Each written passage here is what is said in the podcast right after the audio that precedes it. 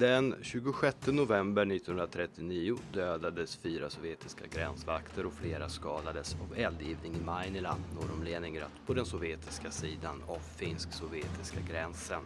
På kvällen samma dag överlämnas en not av sovjetiska UD till finska ambassadören i Moskva där finsk tillbakadragning från gränsen med mellan 20 och 25 kilometer krävdes. Fyra dagar senare gick sovjetiska trupper in i Finland och vinterkriget var ett faktum.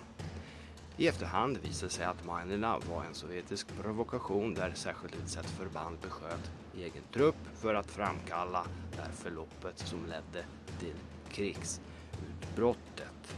Den här podden handlar om vinterkriget, om bakgrunden till det, om dess förlopp och också om den svenska rollen i det hela, om det diplomatiska spelet som Sverige deltog i och om det svenska stödet till Finland som uppgick till 490 miljoner kronor varav svenska staten stod för 345 miljoner, det vill säga en åttondedel av den svenska statsbudgeten. Med oss idag har vi professorerna Lars Eriksson Wolke och Gunnar Oselius. Vi inleder med att Gunnar Oselius berättar om bakgrunden till kriget och huruvida det hade gått att undvika. Det här är en podcast gjord av militärhistoria på Försvarshögskolan och jag heter Piotr Wawrzeniuk. Det var ju så att som gränsen kom att dras, eh, Dorpat 1920, så blev det ju så att utfartsvägarna för den sovjetiska Östersjöflottan från sin bas Kronstadt ut i Finska viken eh, var nästan låg under så att säga, bestrykning ifrån finskt kustartilleri hela vägen. Och skulle de här verkligt stora slagskeppen eh, gå ut så var de tvungna att passera förbi finskt kustartilleri. Eh, hela det här kustförsvarssystemet längs Finska viken i Estland och i södra Finland. Det hade ju byggts av tsarregimen. Det var ju tsar Peters sjöfästning och den var ju någonting som då hade betalts av, av, av ryska skattepengar så att säga för att försvara eh, Sankt Petersburg som det hette då. Eh, och, och nu blev ju samma då fästningssystem i händerna på de här staterna som hade då fått frigjort, frigöra sig från, från det ryska imperiet det blev istället då någonting som, som stängde in eh, Sovjetflottan. Eh, och i eh, eh, perioder då av avspänning och så, så är det klart att eh, då kunde man någonstans tänka sig att det här, det här skulle kunna gå att hantera. Men i stort sett så kan man se att under hela mellankrigstiden när Sovjetunionen planerar och övar för spel i Östersjöområdet så är både Finland och Estland alltid på fiendesidan. Jag tycker nog att man verkligen ska betona just det som Gunnar tog upp. att Det utvecklas ju under 1930-talet ett ganska tätt samarbete mellan Estland och Finland vad gäller byggandet av kustartilleripositioner så att man verkligen samordnade det här. Det här var ju inte okänt för ryssarna på något sätt. Då. Så att eh, det är det ena. Eh, sen överhuvudtaget fin, Finland, finska gränsens närhet till eh, Leningrad är ju ett problem ur sovjetisk synvinkel. Eh, och sen tror jag inte vi ska glömma att eh, visserligen hade vi hösten 39 det här non-aggressionspakten mellan Tyskland och Sovjetunionen men det var ju liksom inte på lång sikt om man uttrycker sig vänligt för någon av de här undertecknarna. Och, och ryssarna kom, den moderna historien visade ju hur tysk trupp ganska lätt hade gått i land vid Hangö 1918 till exempel etablerat sig i södra Finland, tagit kontroll över Helsingfors och så vidare under finska inbördeskriget. Och det är ju lätt att man kan se eh, från sovjetisk sida att det var en möjlig hotbild också i en konflikt med Finland. Då. Så att det gällde liksom att när Tyskland var neutraliserat att kanske lösa den finska frågan sett ur sovjetisk synvinkel. Under inbördeskriget så kortvarigt så opererar ju britterna med, så att säga, baserade i Finland mot Kronstadt. Eh, brittiskt flyg till exempel sätts in. Och, eh, sen kan man ju se längre fram hur det skiftar kan man säga 1935 när Storbritannien och Tyskland skriver under ett flottavtal som gör, ty, frigör Tyskland delvis ifrån de här bestämmelserna i Versaillesfreden. Då vet ju eh, ryssarna att nu kommer Tyskland att, att rusta upp marint och då förändras också hotbilden för Sovjetunionen i Östersjöområdet. Och sen kan man ju se, det är redan 1938, i början på våren 1938 så gör ju Sovjetunionen de första diplomatiska framstötarna. En eh, sovjetisk diplomat eh, i, eller han är ju egentligen representant för, för underrättelsetjänsten på ambassaden i Helsingfors då, under namnet Jartsev som kontaktar det finska utrikesministeriet och, och sonderar möjligheterna då att, att kunna få byta territorium med, eh, mellan Finland och Sovjetunionen. Att man mot att man ger Finland och territorium på Karelska näset så ska man då få de här öarna bland annat i eh, ett antal av de här öarna. Och det här säger ju Finland nej till naturligtvis. Eh, och, eh, men sen som sagt efter Molotov-Ribbentrop-pakten sen så återkommer ju eh, de här ryska framställningarna. Eh, I oktober 1939.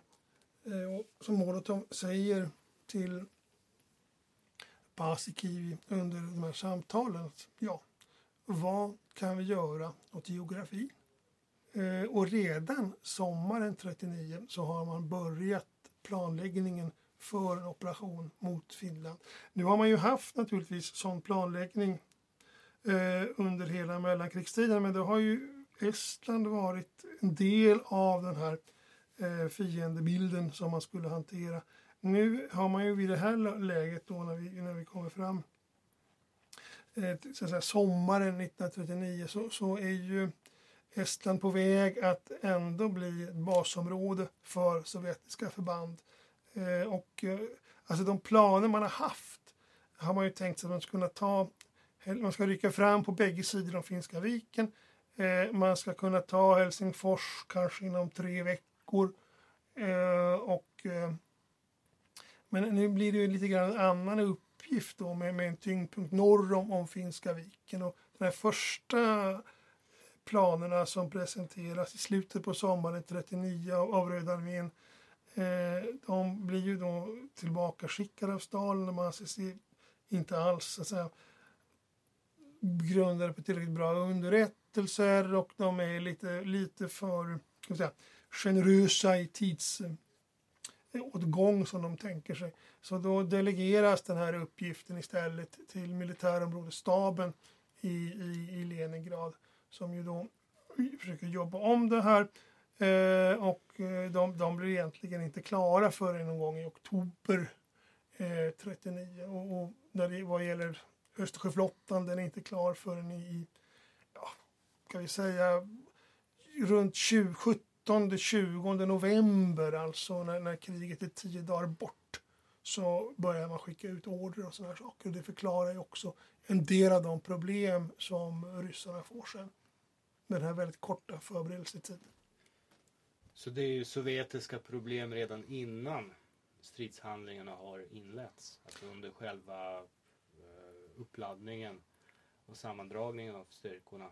Det finns ju naturligtvis en övertygelse på sovjetisk sida om att finnarna ska ge efter. För de, man kan inte riktigt föreställa sig varför finnarna skulle få för sig att bjuda motstånd. Alltså det, det pågår i Västeuropa ett, ett eh, stormaktskrig.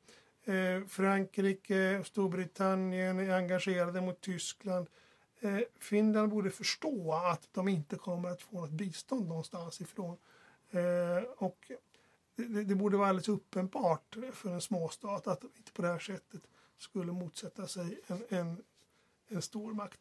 Dessutom är det ju så att det finns ju en oenighet på den finska sidan om, eh, om läget. Och, och ordföranden i försvarsrådet, Mannerheim, han förordar ju eftergifter och han har ju han uppfattar sig ha en, en djupare förståelse för Ryssland än andra då finska, de finska politikerna. Han har i stort sett levt sitt vuxna liv i Ryssland.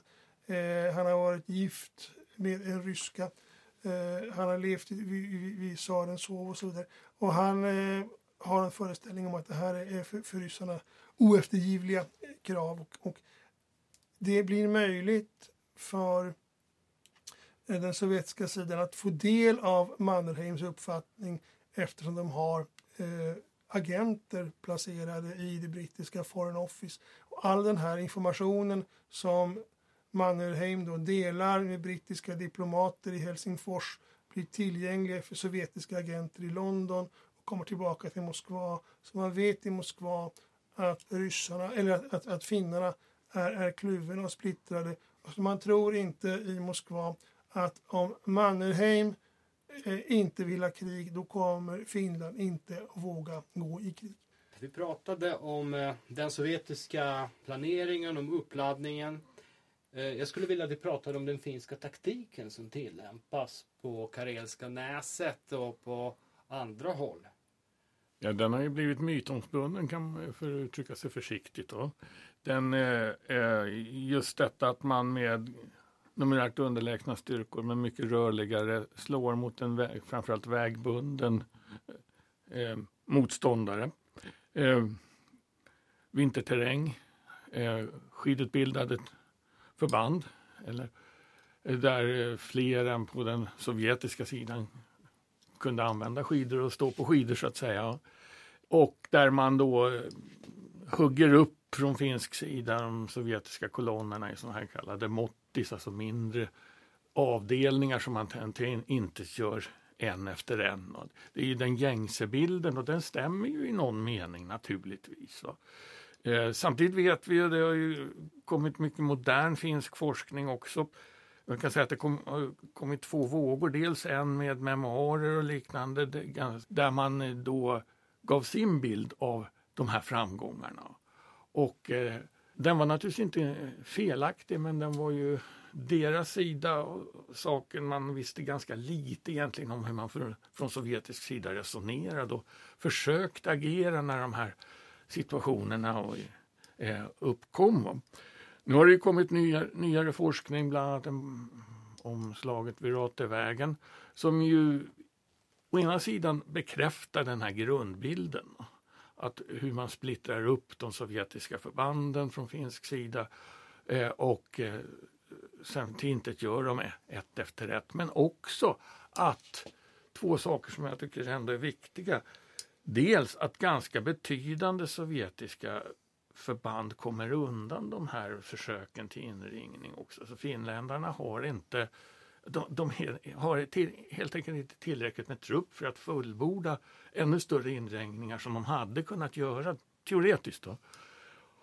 Och dessutom att de finska förbanden, nu tänker jag på Ratevägen framför allt då som kanske den bäst undersökta, de finska förbanden är också väldigt uppsplittrade.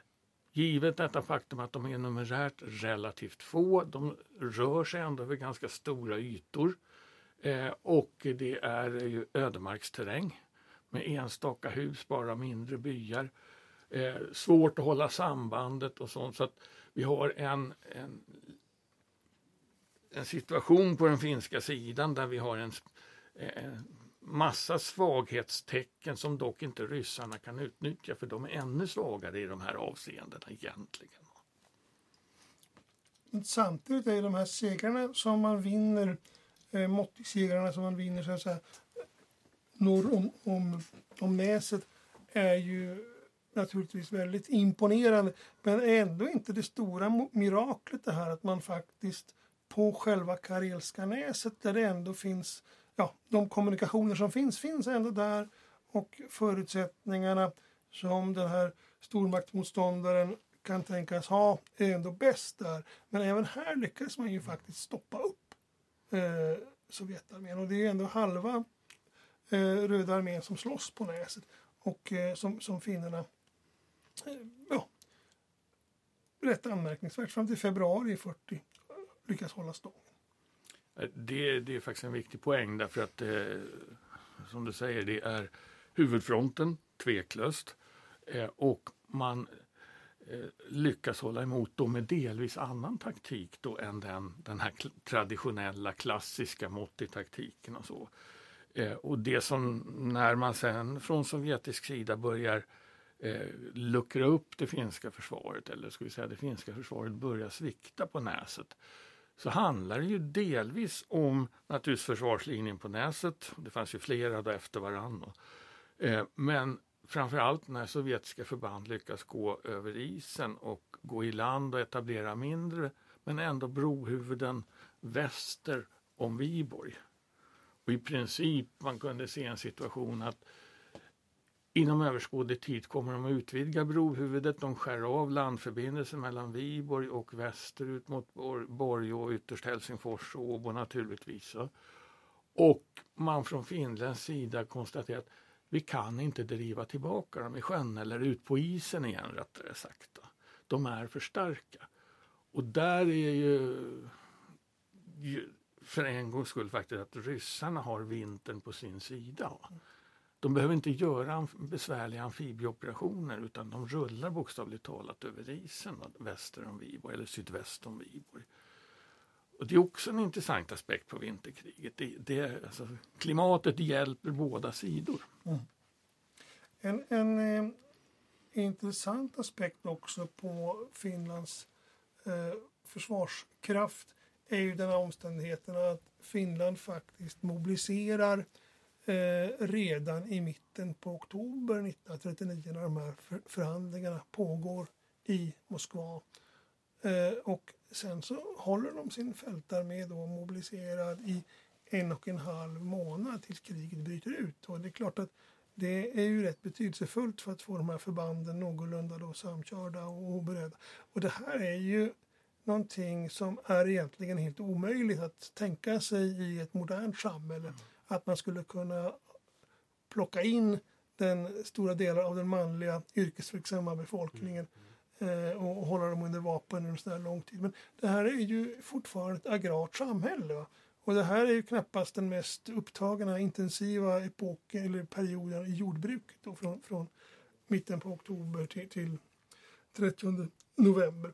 Eh, och, och, det kan man ju se senare i historien då med till exempel Israel som ju ändå lever under ganska besvärande hotbild men 1973 då är, är rätt, ja, dröjer länge med att mobilisera inför hot.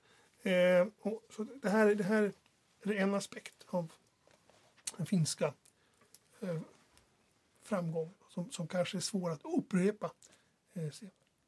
Nu om vi, när vi ändå pratar om själva striderna, planering eh, med mera, eh, så kan vi gå in på frågan om hur nära Finland var eh, ett värre militärt nederlag när Moskvafreden väl undertecknades i mars 1940. Det, det enda rimliga svaret, även om vi då inte sitter med facit av lätt inställda skäl, det, det är ju att man för, förmodligen, skulle jag säga, var väldigt nära ett eh, mycket större nederlag. Eh, och hade sovjetiska förband kunnat börja rulla västerut längs kustvägen, alltså längs norra, eh, norra sidan av Finska viken, då, då vet man liksom inte hur det hade kunnat gå och kommit in i be större befolkningstäta områden. Vi ska komma ihåg att från de sista två veckorna av kriget, det vill säga första halvan av mars, så om man studerar till exempel den svenska militärattaché-rapporteringen från eh, Helsingfors så är den ju entydig egentligen. Att nu, nu är det bara en tidsfråga. Det, det är frågan om hur man ska ta sig ur det här på något sätt. Och, och den här svenska militärattachéavdelningen hade ju väldigt bra kontakter i den finska militärledningen. Så de visste ju ganska bra förmodligen om hur saker och ting förhöll sig. Samtidigt som naturligtvis finländarna matade dem med information som man tyckte det här bör Stockholm eh, känna till, sant eller falskt, för att få Stockholm att agera på ett visst sätt. Eh, men icke desto mindre så, så, säger man ju i en, någon av de här rapporterna i början på mars att nu förlorar Finland ungefär tusen man per dygn. Stupade, sårade och saknade. Och då är det egentligen en fråga om ren matematik. Va? Hur krasst eh, obehagligt det än låter. Va? Ett litet land som Finland klarar inte det särskilt länge. Va? Och det, det, är ju det också att man man konstaterar från den finska militärledningen att det som man råder brist, råder brist på, ja det är i viss mån ammunition och vapen och sådana saker. Men framförallt utvilade trupper, de är ju slutkörda de som finns vid... De tillgängliga, de finns De ständigt tillgäng- vid fronten. ja, de- det sker ingen rotation. Ingen som helst rotation. Och de förstärkningar som kommer, ja, de är inte fullutbildade längre utan det är, det är ju de här som Gunnar sa, de här som var inkallade redan flera veckor innan kriget bröt ut och fick samövning och så. Det är de förhållandevis effektiva förbanden som nu är fullkomligt nermalda. Alltså det som gör att Finland blir tvunget att strida är ju detta att eh, alltså, efter då de här skotten i Mainila och den, den sovjetiska angreppet så försöker man ju få till stånd förhandlingar ganska omgående med Moskva. Och man är ju beredd i det där läget att ja, ingå kompromisser som rimligen måste bli större än de som man gjorde eller var beredd att göra i samtalen i Moskva. Och det, är ju då, det som då tvingar Finland att fortsätta slåss det är ju det här att, att Stalin inte längre erkänner Finland som en, en självständig stat eller snarare att man, man inte erkänner Helsingfors som en representant för Finland utan man har då relationer med den här kommunistiska marionettregeringen som man har upprättat i Terjoki eh, en bit innanför gränsen.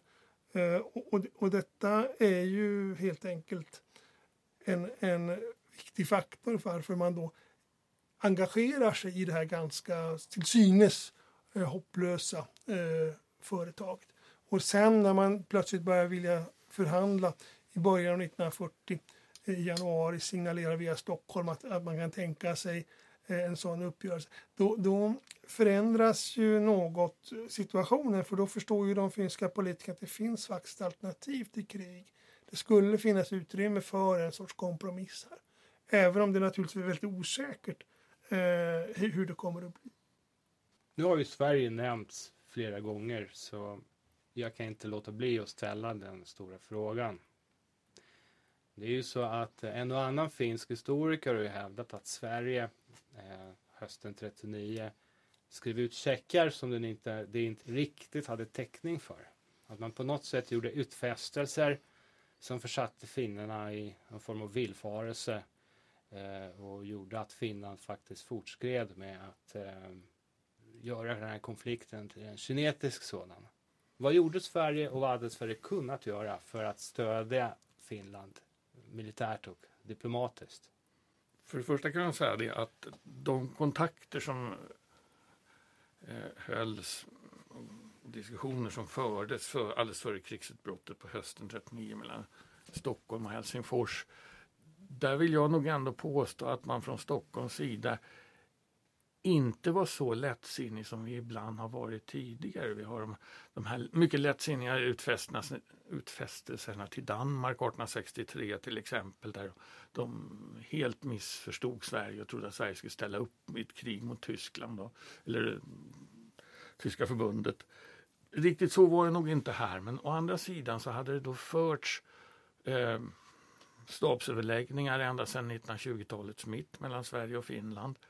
Eh, delar av den svenska militärledningen och då tänker jag framför allt på eh, försvarsstabschefen Axel Rappe den yngre eh, som var en mycket varm Finlandsvän och han var inte den enda i militärledningen eh, under inför och under vinterkriget. De ville då och hade diskuterat möjligheten att föra över svensk trupp, reguljär trupp, att slåss på Näset som man ju då, som jag varit inne på tidigare, identifierar naturligtvis som huvudfronten. Och man talade tidvis om två fördelningar svensk trupp, alltså motsvarande två divisioner ungefär. Vilket ju är liksom eh, huvudstyrkan av den svenska operativa armén. Va? Att, och då var tanken, ja men då slåss vi på Näset innan ryssarna kommer till svenska gränsen, lite förenklat. Då. Nu blev det ju aldrig så. Och det var väl också dels av politiska skäl. Men eh, också att man ju även inom militärledningen nog ändå förstod att vi var inte redo för det här. Vi hade inga eh, förband som var redo utbildningsmässigt, organisatoriskt att få skickas över till Näset och slåss där. Då. Sen också till syvende och sist tror jag inte man ska glömma det här att hur nära vi än stod Finland så und, tittar man på hela andra världskrigets historia, framförallt första åren på andra världskriget, så är det ju faktiskt väldigt få länder som frivilligt ger sig in i kriget. Alltså de blir anfallna och dras in i på ett eller annat sätt. Eh, men eh, och då undantar jag då Frankrike och Storbritannien 1939. Eh, och eh, någonstans fanns en gräns för Sverige också i det avseendet. Men jag, jag tror framförallt att vi var inte militärt redo, men däremot att delta konventionellt. Men däremot skickade vi utrustning.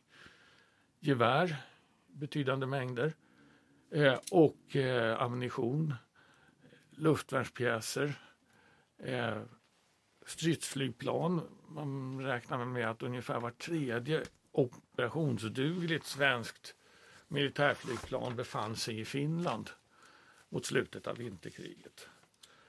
Så att eh, på det sättet gjorde vi väldigt mycket, förutom de då runt 8000 frivilliga som hann fram eh, till fronten innan kriget tog slut. Då.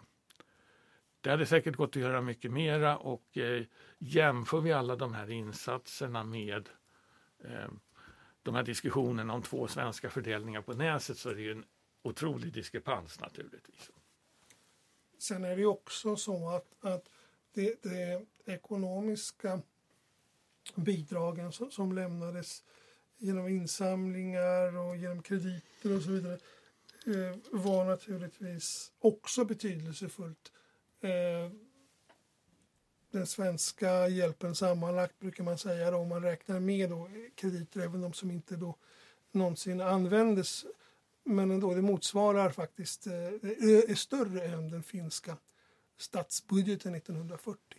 Eh, och det är ju ganska storslaget. Och det här gjorde ju inte Sverige enbart av, av, av osjälvisk solidaritet och så, utan det här var ju också därför att det fanns en klar, klar uppfattning om att det här var ett svenskt livsintresse också att ha kvar ett självständigt Finland. Eh, och sen så spiller ju hela den här historien spiller över rätt mycket på svensk inrikespolitik under Eh, andra världskriget och att man bildar en samlingsregering när vinterkriget bryter ut och så. Eh, men den svenska regeringen kom ju i en väldigt knepig sits. Därför att eh, de här sovjetiska förhandlingstrevarna de förs genom Stockholm. Regeringen i Stockholm är medveten om att Sovjetunionen har droppat Terjocki-regeringen. Eh, Sovjetunionen tänker sig en uppgörelse med regeringen i Helsingfors tänker sig en situation där Finland kommer att finnas kvar. Samtidigt så finns det då en, en opinion i Sverige som ivrar för naturligtvis ett svensk uppslutning på Finlands sida och framförallt så finns det då ett tryck ifrån västmakterna att vi ska släppa in deras undsättningsexpedition eh, som naturligtvis inte egentligen är på väg till Finland utan som är designad för att lägga beslag på de svenska malmfälten.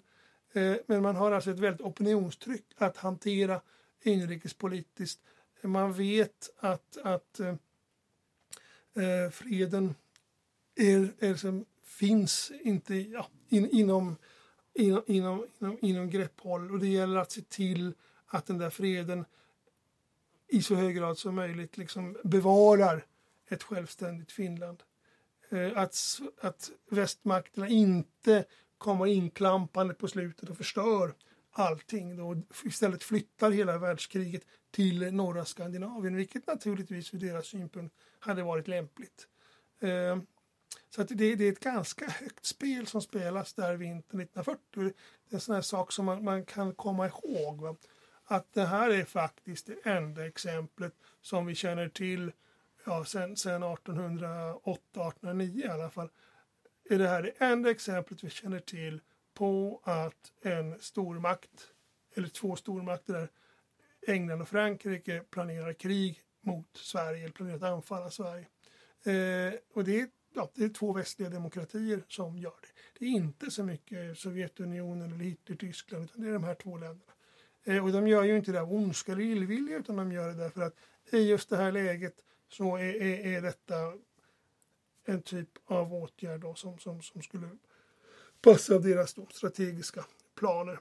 Och det kan vara värt att komma ihåg det där. Att, att eh, man, man kan liksom inte staters då försäkringar om fred och vänskap kan vara så att säga, ärligt menade när de avges. Men så att säga, sen så kan läget ändra sig. Och, och, och det gör att man, man, kan liksom inte ställa sig utan någon, någon sorts försvarsförmåga utan, utan det kommer man alltid att behöva ha. För att haka på där så kan man ju konstatera att skulle ett sånt här scenario ha blivit verklighet med någon form av västallierad eh, inmarsch i Norrbotten och rimligen då från Narvikshållet så, och det var man väldigt övertygad om i Stockholm, att då är Tyskland med eh, och försöker möta det här på något sätt. På svensk botten eller på skandinavisk botten.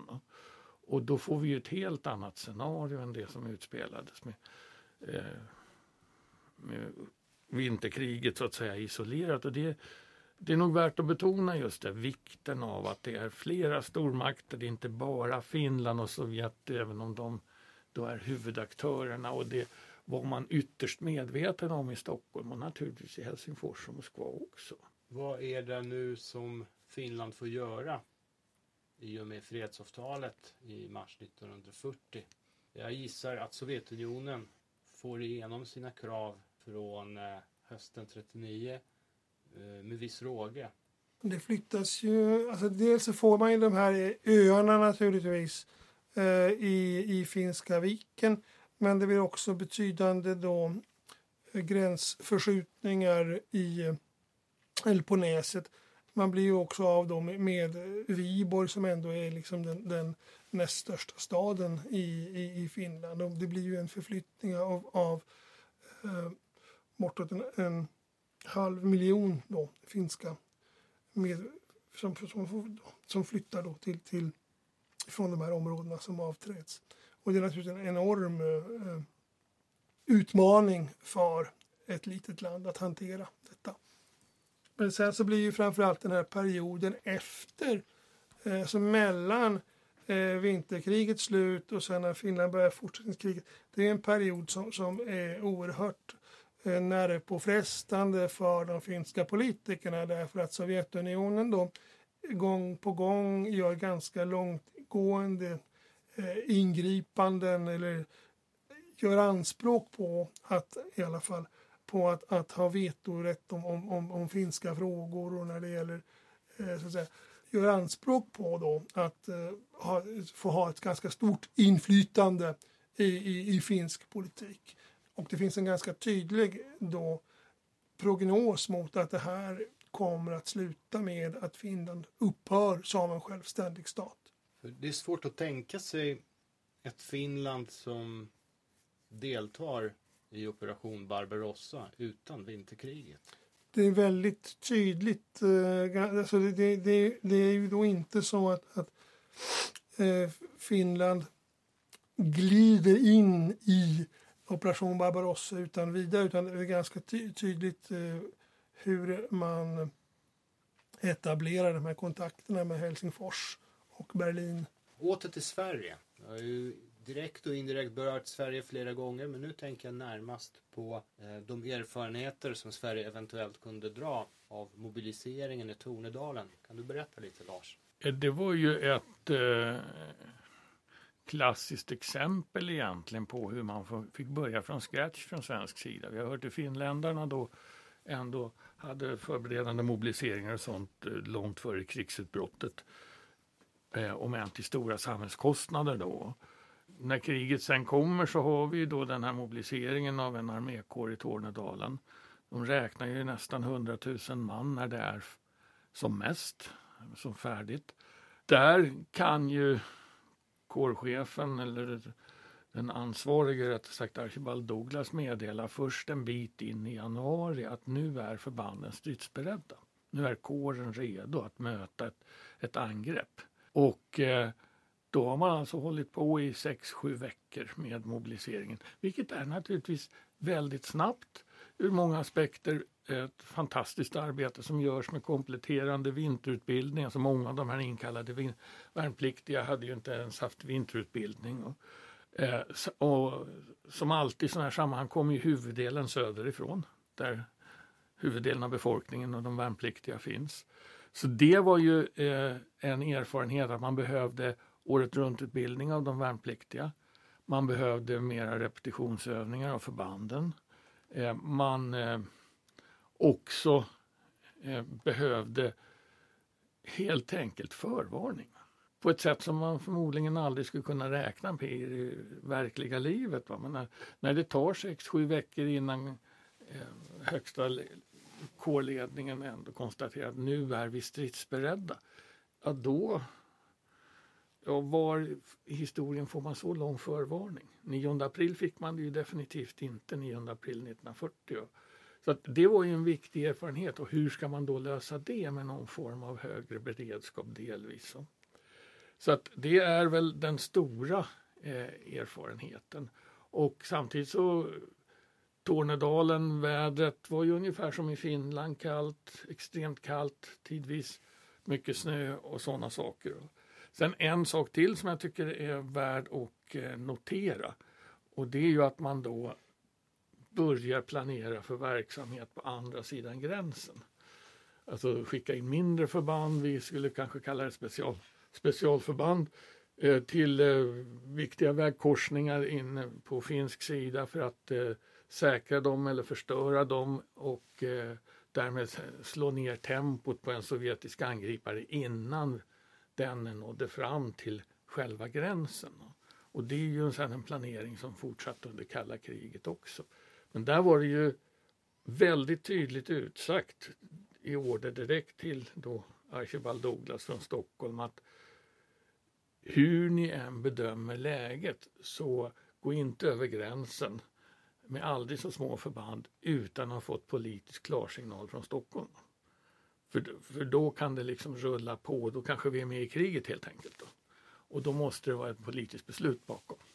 Men på ett annat plan så är det väl så att vinterkriget ändå har varit viktigt för eh, det svenska försvaret i den meningen att man har varit väldigt inspirerad av det här exemplet, ett litet land som så eh, tappert tar upp kampen mot en stor makt och ändå lyckas så bra. Eh, och, och, det här får väl, spelar väl en roll dels under andra världskriget för försvarsviljan men, men även under kalla kriget alltså eh, när det gäller taktiken som man tänker sig framförallt i övre Norrland och, och på olika sätt. Alltså att, att Finland blir en, en sorts förebild alltså för, för svenskt försvar. Absolut och eh, man brukar ju lyfta fram 1952 års tjänstgöringsreglemente, fältreglemente för armén till exempel. Där mycket av de här taktiska lösningarna med Mottistrider och allting sådant är direkt överflyttade från de finska erfarenheterna och implementerade i den, den svenska kalla krigstaktiken. Så självfallet har vinterkriget betytt mycket och kanske inte minst just det här att det visar att ett litet land, givet de storpolitiska förutsättningarna, ändå kunde överleva mot en stormakt.